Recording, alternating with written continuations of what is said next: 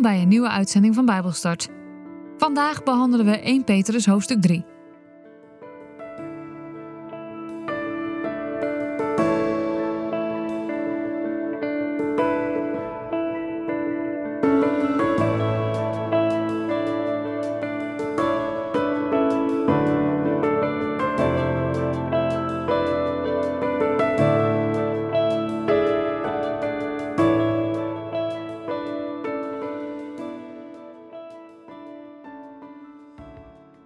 Ik lees met jullie uit de basisbijbel 1 Petrus hoofdstuk 3. Vrouwen, daarom moeten jullie ook je man bescheiden en met liefde dienen. Ook als je getrouwd bent met een man die nog niet gehoorzaam is aan het woord. Als hij ziet hoe jij leeft, zal hij in de Heer gaan geloven. Je hoeft daar geen woorden voor te gebruiken, want hij zal zien dat je op een heilige manier leeft, vol ontzag voor God. Vrouwen, Onthoud dat het er niet om gaat dat jullie er van buiten mooi uitzien, met schitterende kapsels, dure sieraden en mooie kleren. Zorg er liever voor dat jullie van binnen mooi zijn. Dat is veel belangrijker. Je bent pas werkelijk mooi als je vriendelijk en rustig bent. Dat is schoonheid die niet verdwijnt. God houdt van zulke schoonheid. Want dat was wat de gelovige vrouwen van vroeger mooi maakte. Ze vertrouwden op God en dienden hun man bescheiden en met liefde. Let bijvoorbeeld op Sarah. Zij was Abraham gehoorzaam en noemde hem Heer.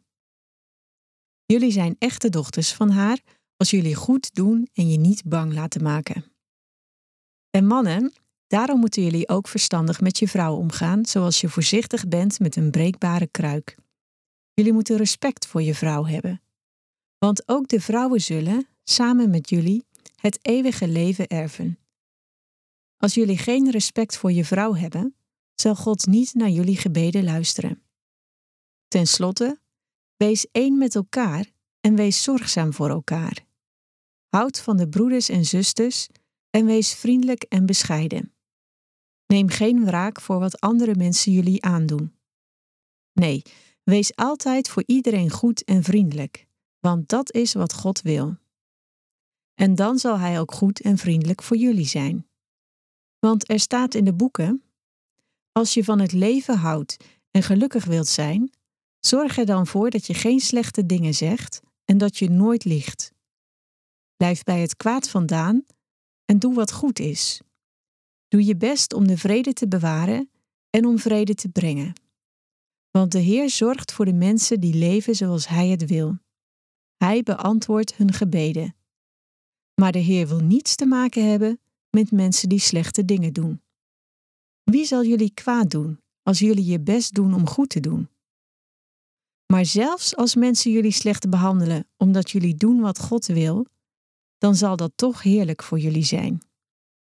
Wees niet bang als de mensen jullie bedreigen. Laat je niet afschrikken. Vertrouw met je hele hart op de Heer God. Wees altijd bereid om aan iedereen die er meer over wil weten te vertellen over de zekerheid die jullie hebben. Maar doe dat wel vriendelijk en met respect. Zorg dat jullie een zuiver geweten hebben. Want dan zullen de mensen die slechte dingen over jullie leven met Christus zeggen, voor schut komen te staan. Want als God wil dat jullie lijden, is het beter om te lijden voor het doen van goede dingen dan voor het doen van slechte dingen.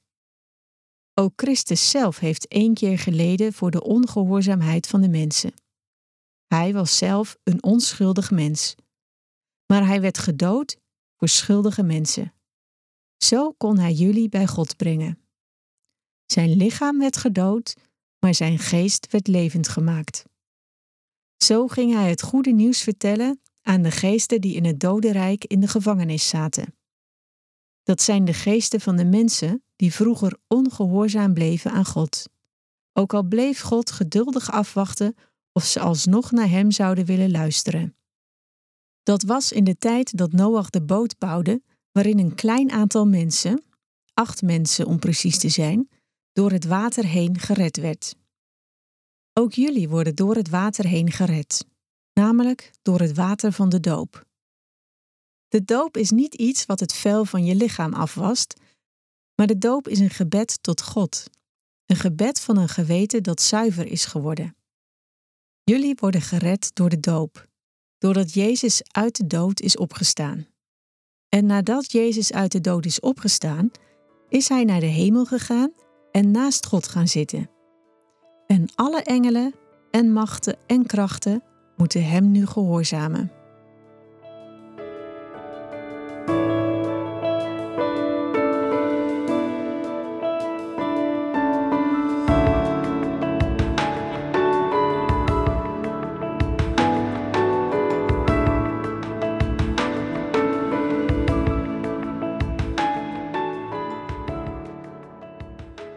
Geeft ons vandaag twee soorten adviezen.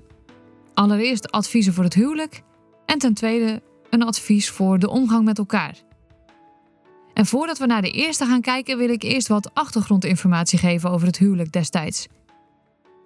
Als een man tot geloof kwam, dan bracht hij zijn hele gezin mee naar de gemeente. Dat lees je bijvoorbeeld in Handelingen 16, vers 29 tot en met 33. Daar lees je over de bekering van de Cipier en Filippi. Zij namen hun hele gezin mee naar de gemeente. Zij kwamen alle tot geloof. Maar als een vrouw tot geloof kwam, kwam ze meestal alleen naar de gemeente. Onder de Romeinse wet had de man absoluut gezag over alle leden van zijn gezin, inclusief zijn vrouw. En als hij het niet eens was met haar keuze voor een nieuw geloof, dan was zij degene die het huwelijk in gevaar bracht omdat ze dan in haar recht ging staan als een vrije vrouw in Christus. Petrus verzekerde de christenvrouwen dat ze hun mannen niet hoefden te beperken. Zij moest haar man dan met dezelfde dienende liefde liefhebben zoals Jezus aan de gemeente had bewezen. Door een voorbeeldige vrouw te zijn, zouden ze hun man weer voor zich terug kunnen winnen. En op die manier zou haar man haar dan tenminste toestaan om deze vreemde nieuwe godsdienst uit te blijven oefenen. Sterker nog, er was dan zelfs een kans dat hun man ook christen zou worden. Zo'n gescheiden huwelijk vraagt veel van een echtpaar. Niet alleen in deze tijd, maar ook zeker in die tijd. En als je dan kijkt naar het eerste vers, dan richt Petrus zich dus op de vrouwen. Als een leven veranderd is, dan spreekt dat duidelijke taal. Het zou zomaar een doeltreffende manier kunnen zijn om een echtgenoot of huisgenoot voor Christus te winnen. Petrus leert christenvrouwen om een innerlijke schoonheid te ontwikkelen. Dit in plaats van overmatig bezorgd zijn over hun uiterlijk. Hun man zou, zeker als ze al een poosje getrouwd waren, niet door hun uiterlijk, maar toch door liefde gewonnen worden. En als jij je christelijk geloof stil maar consequent uit blijft dragen, dan zal jouw omgeving Jezus in jou zien. Toch moeten we ons ervan bewust zijn dat het enorm lastig is om met iemand getrouwd te zijn die een ander geloof aanhangt. Soms kun je nog zoveel van elkaar houden, maar doordat je niet hetzelfde geloof hebt, weet je diep in je hart dat je relatie geen toekomst heeft. En dat kan enorm pijnlijk zijn. Tegelijkertijd mag je er ook op vertrouwen dat als je Jezus consequent in jouw leven uitstraalt, dit zaadjes zullen zijn die ooit zullen gaan uitgroeien. In vers 3 roept Petrus de vrouwen hier op om zich niet te laten meeslepen door de mode. Maar we moeten onszelf ook niet verwaarlozen. Schitterende kapsels, dure sieraden en mooie kleren zeggen helemaal niets. Hygiëne, netheid en uiterlijke verzorging is belangrijk, maar veel belangrijker is het hoe je houding en je mentaliteit is. Echte schoonheid zit van binnen. Je bent pas werkelijk mooi als je vriendelijk en rustig bent. Dat is schoonheid die niet verdwijnt. En God houdt van zulke schoonheid. In het zesde vers wordt Sarah besproken. Zij was gehoorzaam aan Abraham en zij noemde hem Heer. Vriendelijkheid en rust maakte de gelovige vrouw van vroeger mooi. Ze vertrouwde op God en diende een man bescheiden en met liefde. En bescheiden zijn en liefdevol dienen van je man betekent niet dat je zijn slaaf bent. In sommige Bijbelvertalingen wordt ook wel het woord onderdanig gebruikt. Onderdanigheid betekent vrijwillig met iemand samenwerken op grond van liefde en respect voor God en die persoon. In het ideale geval is die onderwerping dus wederzijds. En dat is ook waartoe opgeroepen wordt in bijvoorbeeld Efeze 5, vers 21. Onderwerp u aan elkaar met ontzag voor Christus, staat daar. Maar zelfs al komt die gehoorzaamheid en die onderdanigheid van één kant, dan nog kan het een geweldige uitwerking hebben. Jezus onderwierp zich namelijk aan de dood om ons te redden. Soms moeten wij ons onderwerpen aan onaangename omstandigheden, zodat andere mensen Jezus in ons zullen zien. Maar christelijke onderdanigheid eist nooit van ons dat we onze principes geweld aan moeten doen. We mogen ons nooit onderwerpen aan het kwaad. En zo'n eenzijdige onderdanigheid vergt enorm veel kracht en doorzettingsvermogen. En dat zouden we nooit kunnen doen zonder de kracht van de Heilige Geest die in ons werkt. Maar Petrus schrijft niet alleen voor de vrouwen, hij schrijft ook voor de mannen. Daarom moeten jullie ook verstandig met je vrouw omgaan, zoals je voorzichtig bent met een breekbare kruik. Jullie moeten respect voor je vrouw hebben. Want ook de vrouwen zullen samen met jullie het eeuwige leven ervaren. Als jullie geen respect voor je vrouw hebben, zal God niet naar jullie gebeden luisteren. Zo, dat is duidelijke taal wat Petrus hier zegt. Als Petrus zegt dat vrouwen breekbare kruiken zijn, bedoelt hij daar niet mee dat vrouwen moreel of intellectueel minder zijn dan een man. Hij wijst alleen op haar lichamelijke beperkingen. In die tijd waren vrouwen, als ze niet door mannen beschermd werden, het doelwit van aanvallen, misbruik en financiële rampspoed. Het leven van een vrouw is tegenwoordig misschien wat makkelijker, maar nog steeds wel kwetsbaarder voor misdaad en misbruik. Een man die zijn vrouw eert, zal haar willen beschermen, zal haar respecteren en helpen en zal proberen bij haar te blijven. Dan verwacht hij niet dat zij naast haar volle werk buitenshuis ook nog het hele huishouden alleen doet. Waar hij kan, zal hij haar werklast verlichten. En hij is gevoelig voor haar, voor haar behoeften, en hij behandelt haar met hoffelijkheid, voorkomendheid, inzicht en tact. Als een man zijn vrouw onvriendelijk behandelt, wordt zijn gebed krachteloos. Want een levende relatie met God hangt af van een goede relatie met anderen. Jezus zei dat wie een probleem heeft met zijn medegelovigen, dat eerst in orde moet maken voordat hij God gaat aanbidden. Dat staat in Matthäus 5, vers 23 en 24. En dit principe zou ook van toepassing moeten zijn op gezinsrelaties. Als mannen hun positie misbruiken door hun vrouw slecht te behandelen, dan zal hun relatie met God daaronder lijden. Vanaf vers 8 somt Petrus een aantal sleutelbegrippen op, een aantal kenmerken die ja, echt kenmerkend zijn voor een groep gelovigen. Zo heb je harmonie, het nastreven van dezelfde doelen, reageren op de behoeften van anderen, sympathie dus, liefde, elkaar zien als broeders en zusters, vriendelijkheid, warm en opmerkzaam zijn en meeleven met die ander, nederigheid, bereid zijn om elkaar aan te moedigen en blij te zijn met de successen van een ander.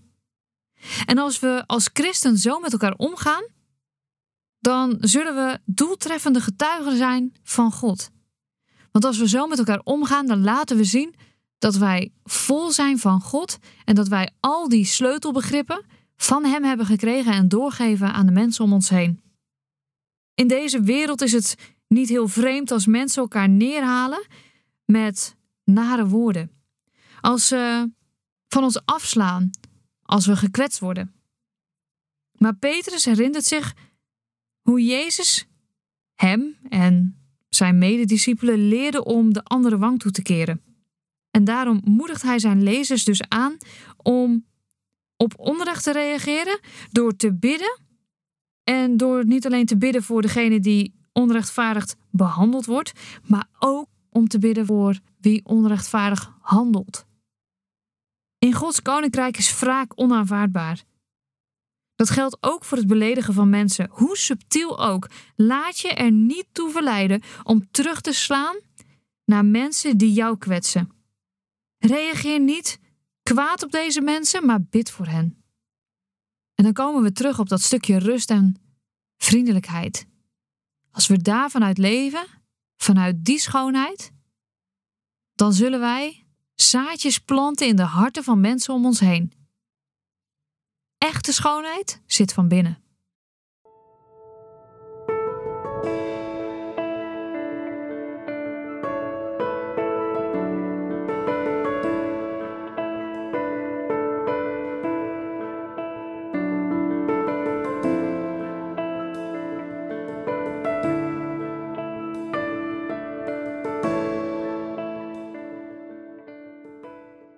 Dit was Bijbelstart, een programma van TWR.